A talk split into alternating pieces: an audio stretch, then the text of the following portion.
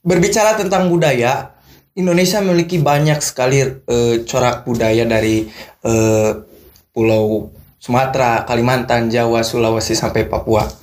Akan tetapi eh, eksistensi budaya lokal yang ada di Indonesia ini pada zaman eh, era digital mungkin bisa dikatakan seperti itu sudah mulai terkikis.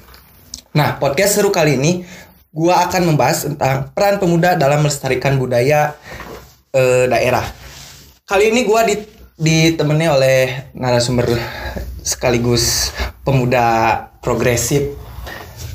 Kita sambut Bapak Ivan Ripandani. Gimana Pak Ivan sehat? Alhamdulillah Sampurasun. Rampes Bapak Biar Ivan. Sagung Dumadi, apa kabar? Alhamdulillah sehat. Bapak Saya Ivan. panggilnya Akang ya, biar Oh, iya. lebih apa namanya chemistry-nya dapet, kedekatannya juga dapet. Oh iya. Kang Apik. Jadi eh, gua sama Kang Ipan ini eh, asli Sunda. Nah, asli Sunda Iya, ya. jadi- Sunda pituinnya. Pituin Sunda. Darah asli Sunda tidak ada campur-campur. Nah, eh, by the way, Pak Ipan kesibukan ke- saat ini apa nih? Yang kesibukan sekarang mungkin lebih ke ngurus kerjaan. Alhamdulillah sekarang kerja Kang Apik. Hmm? Eh kesibukan seperti itu ada Hmm. beberapa Kerja apa nih by the way?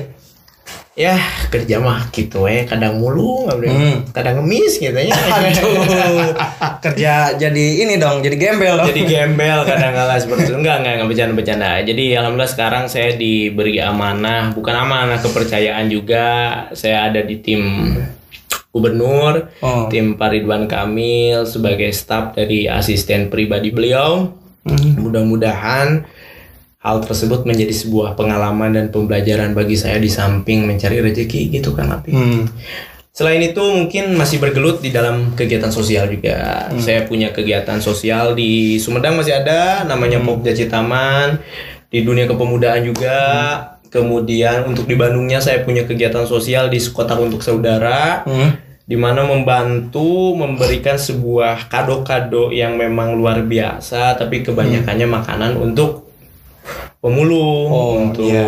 tunawisma untuk anak-anak jalanan. Kita berikan sekotak nasi kadang juga alat belajar dan sekotak-sekotak indah lain itu sih Kang. Apik Sangat progresif. Bapak mudah-mudahan ya. Jadi Bapak Ipan ini selain bergelut di bidang eh, kepemudaan, dia juga bergelut di bidang budaya, sosial seperti tadi kan eh, apa namanya tadi? Komunitas apa? komunitasnya Pokja Citaman untuk di Sumedang kemudian kalau di Bandung sekotak untuk saudara Sekota untuk saudara. Oh itu yang sekota untuk saudara tuh jadi eh, relawan eh, ngasih target sasarannya ke mana? Eh, target sasarannya tadi Tunawisma Bandung. sih. Oh tunawisma Nah, Bandung. Tunawisma Bandung, anak-anak jalanan dan pengemis serta pemulung gitu. Ah. Baru berjalan sekitar satu bulan lebih. Hmm, berarti lu udah Akang ini udah lulus kuliah berarti? Ah, lulus kuliah bulan Februari Hmm, di Universitas Pendidikan Indonesia. Oh, iya. Hmm, jurusannya akuntansi, Kang. akuntansi. Alhamdulillah selesai. Agak telat sih, nggak apa-apa lah ya. Perjalanan orang kan beda-bedanya. Tapi Kang, ya. biasanya yang lulus agak telat ini di beliau beliau ini kayaknya eh aktif ketika kuliahnya. Jadi anak organisasi nih kayaknya nih. Ah, dibilang organisasi mungkin karena kebutuhan Kang. Karena memang ada pepatah gini. Hmm. Ada pepatah nih. Hmm. Katanya waktu adalah uang. Uang, iya. nah, sebenarnya waktu adalah uang cocok untuk orang-orang yang sedang bekerja Kang. Hmm. Dulu ketika saya kuliah, waktu adalah kesempatan, bukan uang.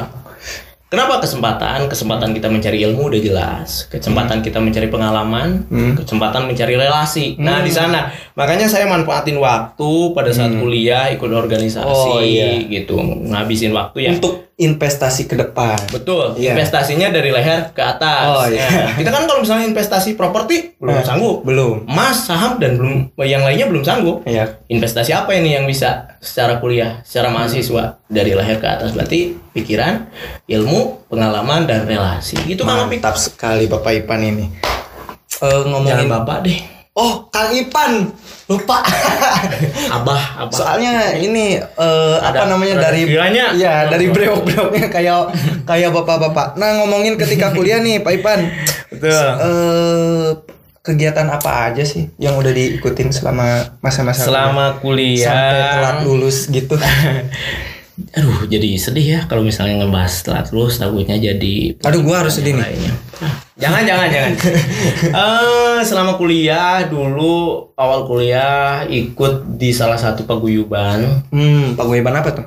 Hmm, paguyuban mahasiswa Insun Medal Sumedang, Oh. PMIMS waktu itu. Oh, berarti orang-orang Sumedang. Orang-orang Sumedang semua yang ada di Universitas Pendidikan Indonesia tergabung di PMIMS kebetulan jadi ketua Departemen Sosial Politik. Hmm, Awalnya seperti itu, kemudian ikut juga protokol, protokol. tapi protokol Probumsim dulu. Hmm. Protokol Bumi Siliwangi tapi nggak kuat, saya kabur. Keluar dari Probumsil.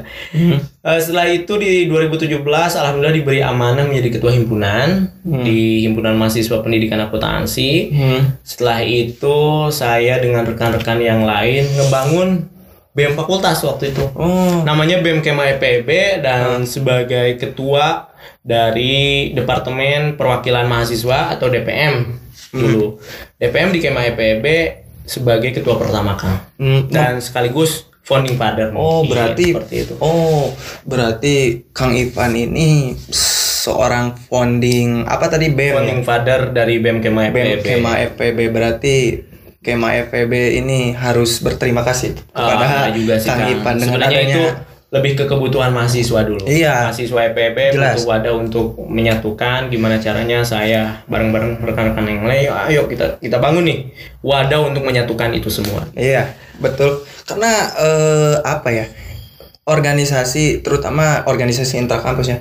Mungkin itu sangat-sangat berpengaruh terutama bagi ma- eh, mahasiswa ya karena di organisasi ini kita bisa menuangkan ide gagasan dan Betul. aspirasi mahasiswa Betul. itu supaya terangsang. Jadi eh, mahasiswa ini Kreativitasnya, kreativitasnya muncul. muncul. Iya. Nah, Bukan hanya bergelut kupu-kupu. Iya, bukan pulang, hanya kuliah pulang, pulang. kuliah pulang karena kebanyakan eh, mahasiswa kan ah ngapain lah ini itu ini tuh. Lebih ke Eh, kura-kura ya. Iya. Apa tuh kura-kura? Kita nukit. kuliah rapat, kuliah rapat ya. Iya, Nah, itu anak-anak organisasi. Jadi eh apa namanya? Selain di BEM-BEM apa? Kema FPB tadi Hmm, eh di itu kan di ke- kegiatan intrakampus. intrakampus. Nah, ada gak sih di di luar? Di ekstra kampusnya Iya, di sendiri saya diamanahi sebagai duta pemuda Kabupaten Sumedang Hmm. Tahun 2019 kemudian saya ikut seleksi di PPMI PPMI. ya Purna Pemuda Indonesia Hmm. Purna Pemuda Indonesia ini menjadi duta pemuda Jawa Barat waktu itu mewakili Sumedang Jawa Barat Hmm. ke nasional. Waktu itu pelaksananya 2019 bulan November di bulan November 2019 di Manado tempatnya. Nama kegiatannya Jambore Pemuda Indonesia. Hmm, Sebelum Covid berarti. Sebelum Covid. Nah, Jambore Pemuda Indonesia ini menarik teman-teman jadi lebih ke menyatukan seluruh pemuda secara nasional dari perwakilan daerahnya Iya. bertukar pikiran di sana, bertukar kebudayaan, topik yang sedang kita bahas sekarang. Iya. Bertukar juga tentang gagasan gimana caranya pemuda berperan bagi daerahnya untuk kemajuan bangsa, negara dan daerahnya tersebut. Hmm. Itu sih. Nah, setelah itu eh, sebelumnya sih sebenarnya sebelumnya ikut juga di Jabar Future Leaders. Oh, Jabar Future Leader. Jabar Future Leaders ini dari pendaftar 548 peserta secara nasional dipilih 30 orang Hmm. untuk menjadi ajudan milenial Bapak Gubernur Jawa Barat Bapak Ridwan Kamil waktu itu. Oh, jadi bukan hanya di Jawa Barat nasional, Bro. Nasional Tapi yang terpilih itu hanya 30 dari 548 waktu itu. sepi- semua Jawa Barat atau ada yang di luar? Ada yang dari Kalimantan, dari Bali, Oh. dari Papua secara nasional. Oke, secara oke. nasional 2019 kita pelaksanaan selama satu tahun dari Februari sampai Desember JFL. Hmm. baru pemuda kita pemuda itu gitu kang Apik perjalanan saya kesibukan kuliah sampai duta pemuda dan JFL Oh, lu kan pernah jadi duta pemuda tuh, kenalin budaya kan berarti kan. Hmm. Nah, apa sih yang lu tawarin atau yang lu kenalin gitu ke ke masyarakat di Indonesia pada waktu itu?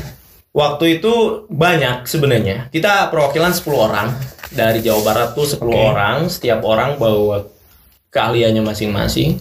Karena basic dan bukan basic sih sebenarnya. Lebih ke kecintaan saya terhadap wayang golek, kebudayaan wayang golek, saya tawarkan untuk memperkenalkan wayang golek di Manado Hmm, secara nasional bahwa nih lu yang belum tahu oke. orang Papua, orang Sulawesi, orang Sumatera, lu yang belum tahu wayang golek ini lu. Wayang golek itu seperti ini. Hmm. Eh, dan alhamdulillah sambutannya cukup baik dari kebudayaan tersebut. Cuman ketika saya menawarkan kepada pemuda lain yang memang tadi dikatakan bahwa di era milenial, di era 4.0, di era digital ini dirasa memang benar cukup sulit, Hmm. Apik, cukup sulit karena memang mereka menganggap bahwa kebudayaan kita itu lebih kuno katanya. Kuno ya. Jadi mereka nggak mau yang namanya untuk mengenal, untuk memperdalam, untuk mencintai, bahkan melestarikan budayanya sendiri. Sedangkan Kang Apik nih, Iya. mungkin teman-teman yang lain yang perlu teman-teman tahu bahwa negara kita Hmm. terkenal dari dulu bukan negara sebagai negara yang ahli teknologi, Iya. bukan ahli di dalam bidang ekonomi yang kuat. Oh, hmm. Tetapi negara kita sering dikatakan sebagai negara yang memang sebagai katulistiwa udah jelas ya. Iya. Tapi juga negara yang berbudaya Kang Apik. Hmm. Beribu-ribu bahkan berjuta-juta budaya, mulai dari budaya yang memang dari dulu yang ada sampai sekarang. Itu Oke. ada di kita semua. Hah? Dari bahasa pun beribu-ribu bahasa daerah itu salah satu kebudayaan juga. Hmm. Itu memang ada di negara kita. Tapi sayangnya Kang Apik, teman-teman semua, Hmm. Pemuda sekarang di era milenial seperti ini, mereka nggak mau untuk mengenal dan melestarikan budayanya itu sendiri. Terlalu kuno. Terlalu kuno mungkin dianggapnya seperti itu. Sedangkan ada peribahasa Sunda nih, buat teman-teman yang ngerti bahasa Sunda. Lamun hiji nagara budayana geus aut-autan, Oke. maka tingali negara nasorangan, bangsa nasorangan oke bakal aut-autan. Hmm. Jadi kebudayaan bisa dijadikan sebuah barometer Oke. untuk sebuah negara untuk agar tetap maju, agar tetap tentram, agar tetap menjadi negara yang ada di dalam jati diri. Oh, jadi eh, kawan-kawan untuk eh, apa namanya tadi yang Kang Ipan bicarakan.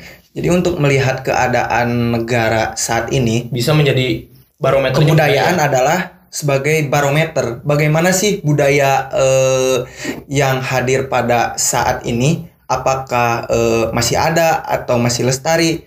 Nah, itu bisa dijadikan eh, barometer. Barometer. begitu ya, Kang Ipan ya? Karena eh, bukan saya asing, bukan saya anti terhadap budaya baru, Hmm? tapi saya miris karena bangsa kita pemudanya lebih condong untuk mencintai dan mengakui budaya dari luar dibandingkan budayanya sendiri. Oh iya. Mereka saya dari kampung mereka lupa untuk makan yang namanya opak ragina Hmm. ya.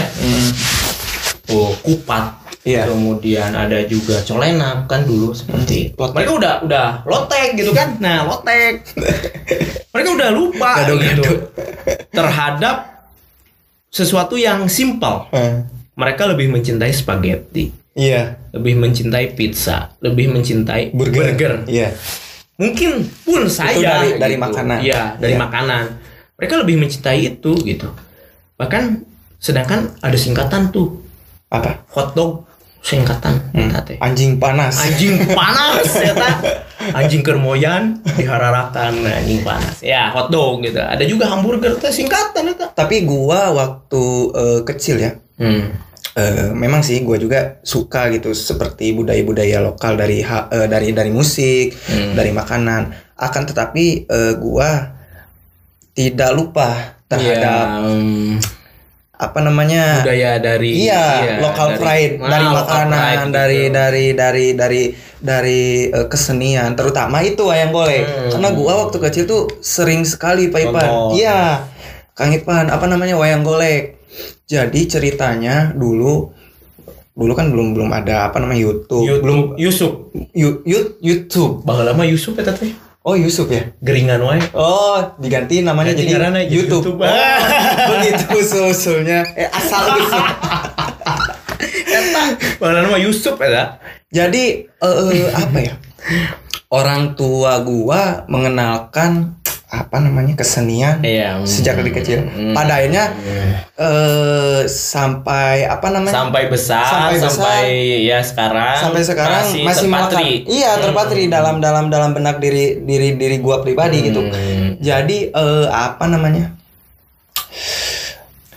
Bu- Kebudayaan atau budaya itu kan eh, apa namanya? Iya, bisa dikatakan kebiasaan yang terbangun di masyarakat. Ya itu benar eh, peninggalan lah Peninggalan dari, dari nenek nenek moyang. moyang. Nah artinya eh, peninggalan itu sangat berharga dan harus ditanamkan dari dari dari dari kecil. dari kecil gitu. Berarti Gitu. peran orang tua tuh besar juga Iya. dalam mengenalkan budaya. Iya Nah, itu menurut gua.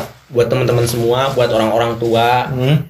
calon-calon orang tua mungkin di antara kita juga, berarti sudah tanggung jawab kita untuk menanamkan nilai-nilai budaya, rasa cintanya dari kecil. Iya Iya, dari kenalin nih, nih budaya lu, ini budaya dari luar. Hmm. iya Lu nggak usah asing sama budaya dari luar, tapi lu juga jangan lupa sama budaya sendiri. Nah itu benar. Hmm. Kita nggak nggak jadi permasalahan kita mau mau apa? Iya. Mau mendengarkan musik list musik Iya, dari barat nggak apa-apa. atau- Asal kita jangan lupa sama budaya Nah sendiri itu, itu sih. di mana bumi apa? Di, Di, ma- di mana bumi dipijak, di situ langit langit dijunjung. dijunjung. Nah Mau dijingjing. dijingjing. Esenya. Hese, langit dijingjing. hese. Dijungjung we nya. Dijungjung. Eh, nggak setuju. Jadi setuju. Cengli. Cengli. Cocok. Ah, Nah, eh, lu Kang kan apa namanya tadi di di di di apa namanya aktif di bidang kebudayaan Hmm. di kesenian apa juga nih? sih nggak aktif juga Kang saya mah lebih mencintai Maksudnya melestarikannya di Ah. di bagian apa gitu? Karena Jadi, kan banyak ada Ah, ada jaipo, Iya. ada pencak silat, Iya. gitu nya, Ah. aya ronggeng, nah, Iya. eta lah kadar itunya, ada kuda renggong, gituan, gitu. Hmm. Jadi dulu wah gado-gado we nya, ieu Iya. nyariosna gado-gado we da urang mah urang Sunda Iya, nggak apa-apa. Tah gitu teh. Tapi teu naon gue lu juga di bahasa Sunda apa-apa. Teu naon. biarkan jadi anak-anak sekarang kan Universal. jadi gado-gado juga gitu. Ah, gitu. Bahasa Sunda iya, bahasa Indonesia iya, bahasa yang lainnya iya Ya. gitu. Which is So, um, one day, hmm, teh aing tuh bisa bahasa Inggris soalnya, hmm, kayak, jadi dulu tuh Kang, saya kecil oke. dari bangun tidur sampai tidur lagi, bangun tidur. Lagu dong itu Pak Surip. Ah, Surip. Eh, bangun tidur sampai tidur lagi, sering didengerin, deng- di setel, di play wayang golek. Oh, yang boleh. Kebetulan orang tua saya, terutama ayah saya, Mm-mm. cinta sekali terhadap kebudayaan wayang golek. Oh, berarti sampai bikin tuh toko-toko wayang banyak banget di rumah. Hmm. kecil sampai akhirnya saya coba ngedalang ngedalang waktu kecil Hmm. buat cerita yang secara serius saya gitu Hmm. Eh, saya ngedalang kayak gitu ternyata rasa kecintaan saya udah mulai tumbuh tuh waktu kecil terhadap Oke. wayang golek Mm.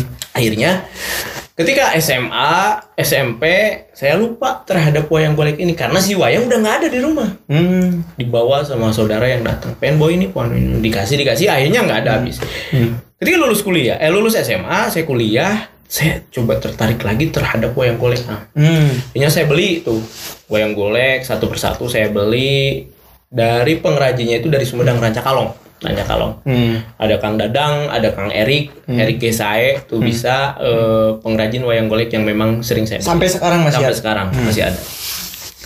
Saya coba implementasikan kecintaan saya terhadap budaya tersebut. Saya beranikan diri untuk tampil di depan orang. Waktu itu di acara pembukaan seminar di Galeri Popoy Skandar di Bandung. di Bandung Setiabudi. Ternyata apresiasi dari para penonton walaupun dengan penampilan saya yang sederhana pakai MP3 waktu itu hanya pakai MP3 Nggak pakai- gamelannya nggak pakai gamelan beneran tapi apresiasinya cukup baik. Hmm. Akhirnya banyak tuh tawaran untuk ngisi di beberapa tempat ngisi di beberapa seminar untuk pembukaan. Hmm, oke. Wayangnya komedi hanya satu jam dua jam. Hmm. Dan sampai perjalanan itu sampai saya bekerja sama dengan BNN waktu itu sosialisasi tentang narkoba pakai wayang. Hmm. Apik. Iya, iya. Saya KKN ke Brebes, kebudayaan terha- ternyata masih bahasa Sunda. Mereka senang sekali terhadap wayang golek. Hmm. Akhirnya saya tampil tersebut satu lakon sampai subuh, Kang. perjalanan Dari jam? wayang golek. Dari jam 9 sampai jam 3 subuh. Oh. 6 jam. 6 jam berarti. 6 jam, 6 jam kemudian duduk, iya, gini-gini. main wayang. Hmm. Asal jangan jadi jadi dalang mungkin ya, tapi dalang bukan dalang keributan. Oh. Iya. Eh, saya di Sumedang juga di kampung sering ngedalang seperti itu. Gitu sih Kang Opik perjalanan saya kecintaan terhadap wayang. Sampai sekarang. Sampai sekarang masih cinta, saya masih mencoba melestarikan, tapi mungkin karena kesibukan kerjaan, Oh iya. hanya libur di Sabtu Minggu, keterbatasan waktu, jadi hanya mencintai saja sekarang untuk mengenalkan melestarikan waktunya agak kurang. Hmm. Rencananya kemarin Agustus, 17 Agustus saya mau berangkat ke Sukabumi, harusnya ada undangan untuk tampil di sana, tapi karena Covid Hmm. perizinan nggak keluar, akhirnya itu batal untuk tampil wayang. Gitu sih Kang Opik. Hmm. Hmm. Tapi menurut Kang Ipan nih mengenai eksistensi seperti wayang golek Hmm. atau kebudayaan yang lainnya, bagaimana sih? Di era milenial ini. Iya. Cara mensiasatinya. dari dari dari kacamata atau sudut pandang Kang Ipan gitu. Em, gini, jadi ai, ada peribahasa lagi, mi indung ka waktu, mi baka ka zaman. Hmm, apa tuh? Artinya itu harus menyesuaikan dengan peradaban perubahan Hmm. dari kehidupan itu sendiri. Oke. Budaya itu nggak ada yang kuno sebenarnya, Hmm. tetapi apresiasi dari orang-orangnya yang meningkat. Hmm, Otomatis si budaya harus ber, kembang. berkembang. Ya. berkreativitas. Setiap karya-karya dan para pengrajin, para penggiat budaya harus berkreativitas menyesuaikan dengan kondisi zaman. Hmm, Misalkan wayang golek dulu mulai itu jam 10. oke. Nah, sekarang rubah Hmm. dari jam 7 karena orang-orang kalau jam 10 udah keburu ngantuk. Hmm. Gitu kan? Mereka dulu apresiasinya langsung ke wayang golek secara terfokus wayang golek karena belum ada TV, belum ada YouTube, belum ada YouTube maksud YouTube. saya. Iya. belum ada YouTube. Jadi terfokus. Oh, ada hiburan wayang golek. Jadi mereka udah berbondong-bondong ke sana. Tapi karena kita sekarang ada TV, ada YouTube, otomatis bersaing tuh budaya. Hmm. Malas kalau misalnya kita datang sok, Kang Opik Iya. jam 10, tunduk mending sare. Iya, tuh? mending tidur. Iya. Mending tidur kan? Otomatis harus berubah menyesuaikan zaman. Ya udah jam 7 tuh mulai. Nah, kreativitas-kreativitas seperti itu dari wayang golek yang hanya bentuknya siluet, wayang purwa, ada dua jenis wayang. Yang pertama wayang purwa, ada wayang purna. Wayang purwa itu yang hanya bentuknya seperti itu, Oh. siluet kayak gitu. Iya, iya. Hanya hidung, eh, mata seperti itu. Harus ada perubahan. Akhirnya Abah Asep Sunandar Sunaria sebagai maestro wayang Iya. berkreativitas merubah wayang menjadi tampilannya lebih menarik, Hmm. lebih hidup gitu. Nah, apresiasi tersebut, kreativitas tersebut yang harus memang dimunculkan oleh para Hmm. penggiat-penggiat budayawan. Agar apresiasi para penonton, apresiasi orang-orang terutama para pemuda itu semakin terfokus lagi, tertarik lagi untuk mencintai budayanya. itu Jadi har- in- eh, benang merahnya harus ada pembahar pembaharuan Betul, gitu dari dari betul. dari kebudayaan lokal itu Iya, sendiri gitu. memanfaatkan teknologi juga sekarang. Hmm. Sekarang live live YouTube bisa tuh wayang Oke. tampil di mana Iya. live in di Hmm. YouTube. Itu itu eh, Tapi- inovasi yang seperti itu harus ditingkatkan. Kalau misalkan toko pewayangan kan yang terkenal itu yang buat awet Eh. cepot, Hmm. kemudian Dawala kayak gitu kan, kemudian Arjuna mengangkat cerita dari Mahabharata yang saya tahu ini mah ya, Hmm, itu. atau dari cerita lainnya gitu. Eh kalau misalkan gini Kang, a- eh, kan sekarang lagi lagi zaman ini apa Iron Man Iron Man gitu Odading mangoleh. Odading Gitu. mangoleh. Eh, yang makan odading ol- mang oleh jadi Iron Man jeng jeng Ah. gitu kan kalau misalkan si Iron Man ini diangkat menjadi suatu tokoh pewayangan bisa saja bisa saja karena in- inovasi itu gini kan di Mahabharata Ramayana ini di kitabnya hanya menceritakan dari kasta yang kerajaan. Oh. Kenapa ada cepot kenapa ada buta ada denawa dan yang lainnya? Itu sebenarnya di kitab Mahabharata dan Ramayana itu nggak ada. Nggak ada ya? Kenapa ada tokoh cepot semar dan sebagainya? Untuk mencairkan suasana. Hmm. gitu.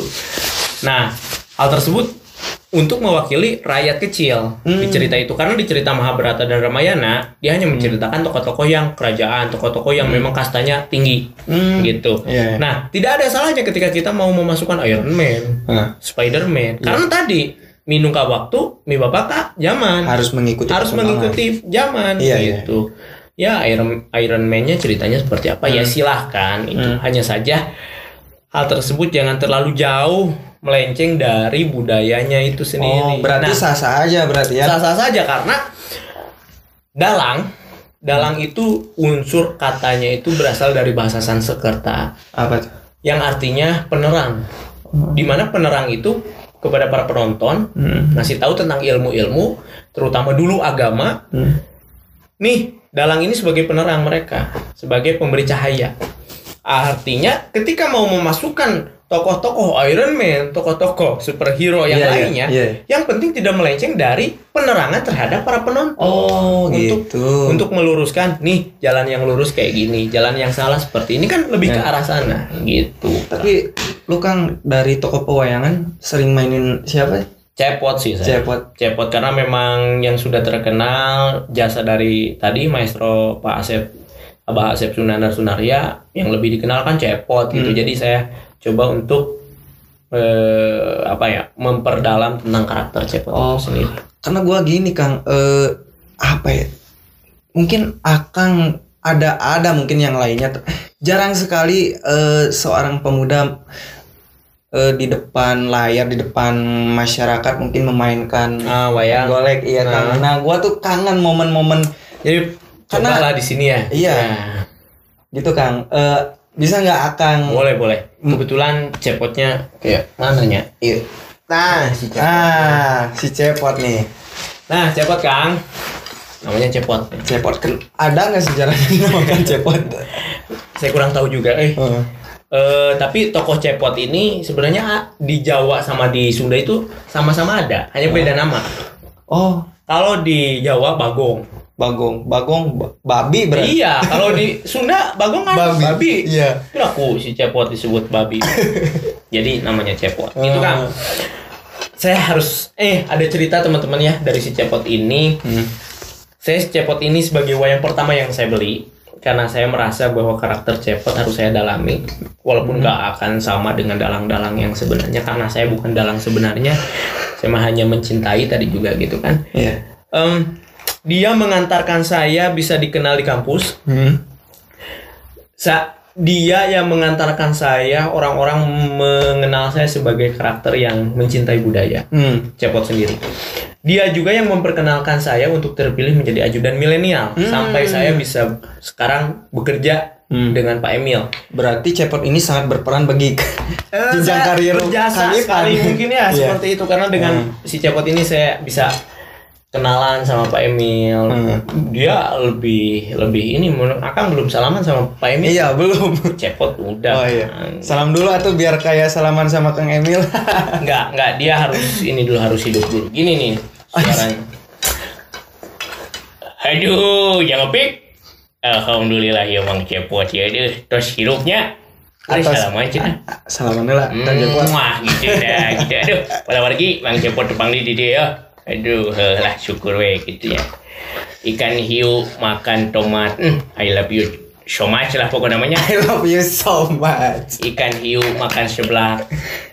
Ikan Apa? hiu nak modal wae dah lah ada sebelah satu. Aduh, uh, gitu alah ya. Kayaknya eh, di sarung tadi selempak cenah. Ongkoh ngariung tapi teu kompak. Ah. Tah, Mang Cepot hayang nyapa ya deh. Sok atuh Kang Cepot sapa dulu pemirsa. Assalamualaikum warahmatullahi wabarakatuh. Waalaikumsalam. Sampurasun. Rampes. Nah, kita adanya Iya. rampes dibeliin kempesnya. Alhamdulillah Mang Cepot tepang lagi guys di YouTube ya. Di YouTube noni teh. Podcast seru. Podcast seru, seru pisan pokoknya mah tonton lah aya Mang Cepot videonya. Kita tak eta suara Mang Cepot mantap Hmm, gitu. Iya, iya. Nyalangnya. Heuh, siap siap siap. Eh tak gitu lah. Ya ya. Iya, iya, iya. Itulah perkenalan. Mantap Mang Cepot ini. Mang Cepot jalan kita, kita Iya. bisa silat Mang Cepot dulu. Wih, gitu atuh. galak juga ini Mang Cepot. Galak, jahil Mang Cepot untuk saya ada jahil. itu Mang Cepot. Nah, ini tokoh Mang Cepot. Berjasa sekali. Tapi lu lu kan belajar wayang nih berapa ini sih? Em, karakter Berapa lama? lama kalau belajar wayang sebenarnya dari 2015 saya memperdalamnya otodidak awalnya kemudian Oh, saya otodidak. saya main ke Giri Harja juga ke Padepokan Giri Harja 3 belajar sekitar dulu satu minggu sekali saya ke sana melihat oh cara gerakin wayang seperti ini mengenal ini tungging ini sampurit dan sebagainya Mentornya siapa tuh? Mentornya ada Pak Haji Dadan Sunandar Oh, Sunaria Pak kalau misalkan Dadan, iya, iya. beliau nggak manggung beliau yang memang mengajarkan ada juga yang lainnya gitu Iya, iya, iya. Pak Adit Runa ada banyak lah pokoknya Oke. Mantap. Jadi eh, kawan-kawan untuk di Sunda ini karakter Cepot sangat melekat di hati rakyat iya, sangat masyarakat melekat karena Cepot ini sosok yang mewakili mewakili rakyat. Jadi dia mungkin dari eh, rakyat kecil mungkin ya. Iya, tapi dia tetap berani untuk menyuarakan hak rakyat itu Nah, sendiri. itu. gitu. Semoga apa ya karakter yang ada di sosok Cepot ini kan Cepot ini humoris, Humoris. tapi dia jiwa sosialnya tinggi. Tinggi. Semoga tertular kepada pemuda-pemuda yang, Yang ada, ada di, di- Indonesia, khususnya di Sunda. Amin, amin. Seperti itu ya Kang. Eh, yo, Kang Opik, Hmm? Tah Mang Cepot ya tinggal kieu, seuri kieu. Ya. Artina teh ngawujudkeun yen urang Sunda, pemuda Sunda teh harus kaos Mang Cepot. Hmm, harus tersenyum gitu ya Kang. Iya, harus bahagia. Nah, Iya. kenapa nih gigi Mang Cepot atau huntu Mang Cepot hanya satu? Ya. Artinya itu pemuda Sumedang, eh pemuda Sumedang, orang Sunda, pemuda Sunda tidak boleh banyak gigi. Artinya te ulah loba ngahuntu, ulah loba huntu, Oh, ulah loba nga huntu. Jangan, Eh, jangan nggak banyak bohong. berbicara. Nah, gitu. Hmm. Iya iya iya. Gitu. Jadi ada filosofinya. Ada filosofi itu sih filosofi pribadi. itu saya. kenapa ininya merah Kang? Mukanya. Eh sebenarnya ini lebih ke karakter yang memang sudah ada dari awal Hmm. gitu karena eh ini tidak bisa dijadikan sebuah patokan kenapa ini merah karena memang gi- kayak gitu sih Hmm. dari sananya. Oke, Saya oke. juga kurang tahu mungkin. Mang Cepot rek diganti warna hijau jadi Hulk atuh. Jadi hulak. Eh, teu lucu. Jadi ganti juga namanya. Nah, gitu. Jadi Cep Hulk. Cep hulak. Cep Hulk atuh. Jadi begitu kawan-kawan. Itu sedikit pertunjukan Nah, sedikit lah dari pokoknya. Kang Ipan Simpen selaku lagi aja ya. Iya, simpen lagi aja Kang. Dari eh, apa namanya? Sosok pemuda yang menggambarkan eh, karakter pemuda eh, zaman sekarang, tapi beliau masih tetap berpegang teguh Untuk mencintai budaya. untuk mencintai budaya lokal. Eh, juga gini Kang, saya pengen apa namanya selain tentang kita budaya, Oke. kita juga mengguar atau mengorek tentang gimana nih caranya peran pemuda dalam berperan untuk masyarakat sosial, untuk lingkungan yang lebih luasnya. Sela- sela- saya selalu memegang perkataan Hoirunas anfa'uhum linas yang dikatakan selalu oleh Pak Gub, Pak Gubernur, Pak Iya, Emil. iya, iya. Di mana Hoirunas anfa'uhum linas ini salah satu hadis yang menerangkan sebaik-baiknya orang adalah orang yang bermanfaat, Bermanfaat bagi, bagi orang orang lain. lain. Iya, nah, betul. untuk teman-teman selaku pemuda di mana pun kalian berada bermanfaat, Hmm. yuk bagaimanapun kalian sekecil apa pun kalian bergerak untuk bermanfaatkan secara sosial lakukan itu semua Iya. gitu karena kembali lagi ke hadis tadi ayo saya selalu memegang teguh seperti itu Hmm. gitu. mudah-mudahan teman-teman pun bukan saya menggurui Iya. tapi saya hanya ingin share Iya. bahwa kita sebagai pemuda langkah baiknya seperti itu karena kemajuan negara kemajuan daerah itu ada di Sekecil kita apa pun semua. itu. sekecil apa pun itu yang eh, yang penting bermanfaat lakukan Iya. gitu karena ada tiga tipe kang Apa tuh? pemuda ini. Tipe yang pertama ada pemuda yang berilmu Hmm. tapi dia tidak mau bergerak, Hmm. tidak mau bermanfaat. Hmm. Tipe kedua yaitu tipe pemuda yang mau bergerak Hmm. juga bermanfaat tapi dia tidak berilmu. Tidak berilmu. Nah, ada tipe yang ketiga, dia berilmu juga dia mau bergerak dan bermanfaat. Hmm. Nah, silakan teman-teman mau pilih mana? Akang yang mana tuh? Mudah-mudahan saya ada di pilihan yang ketiga. Oh, Mudah-mudahan seperti itu. ketiga. Saya mencoba ilmu, tadi investasi dari leher ke atas. Saya Iya. juga mudah-mudahan ingin bergerak dan bermanfaat. Ya, mudah-mudahan teman-teman pun pilih tipe yang ketiga. Gitu Kang Opik. Luar biasa sih saya.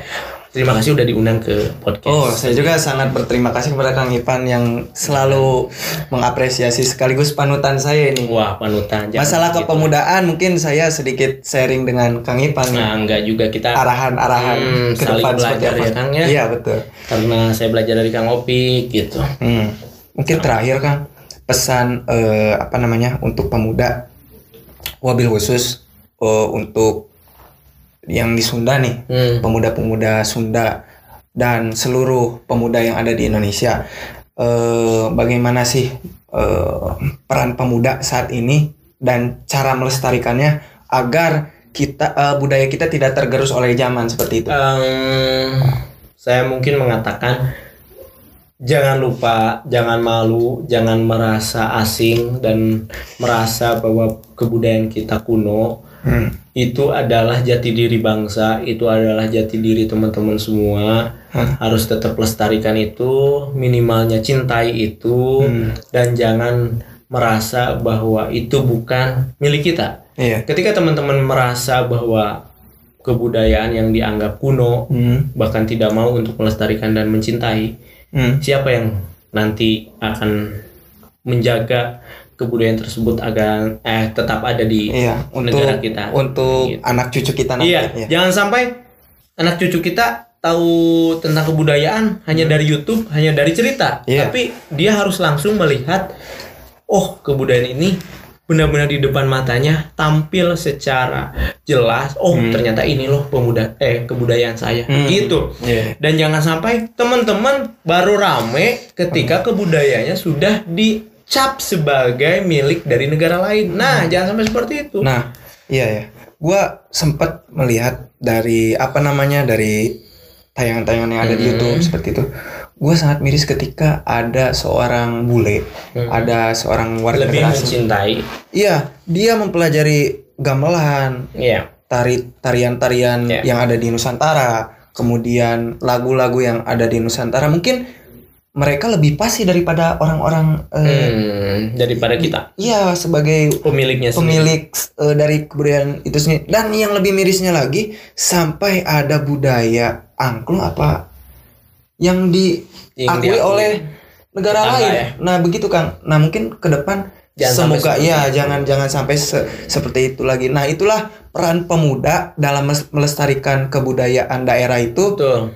supaya negara kita tetap eh, berdiri tegak dengan memiliki jati diri iya yang kuat. memiliki identitas yang kuat. Jangan sampai jati kasih liku junti. Apa itu, Paribasa nama. Ya itu tadi jangan sampai orang lain yang memang asing tetapi mereka yang lebih pasti terhadap Betul kita pemiliknya. Nah. Jadi ya seperti itu. Begitu kawan-kawan. Itu teman-teman. cukup sekian podcast seru kali ini. Sebetulnya masih, Masih- obrolan masih masih panjang nih, masih pengen ngorek-ngorek Ah. Kang Ipan ini permasalahan budaya kepemudaan dan lain sebagainya lah Kang. Mungkin di lain waktu ya Kang. Boleh sementara. By the way, terima kasih Siap. Kang Ipan sudah hadir di ya. podcast seru. Jangan lupa eh, tetap berpikir mendengarkan, positif, berpor- mendengarkan, di subscribe juga Kang. di subscribe juga jangan lupa dan Share atuh. share cukup sekian dan terima kasih.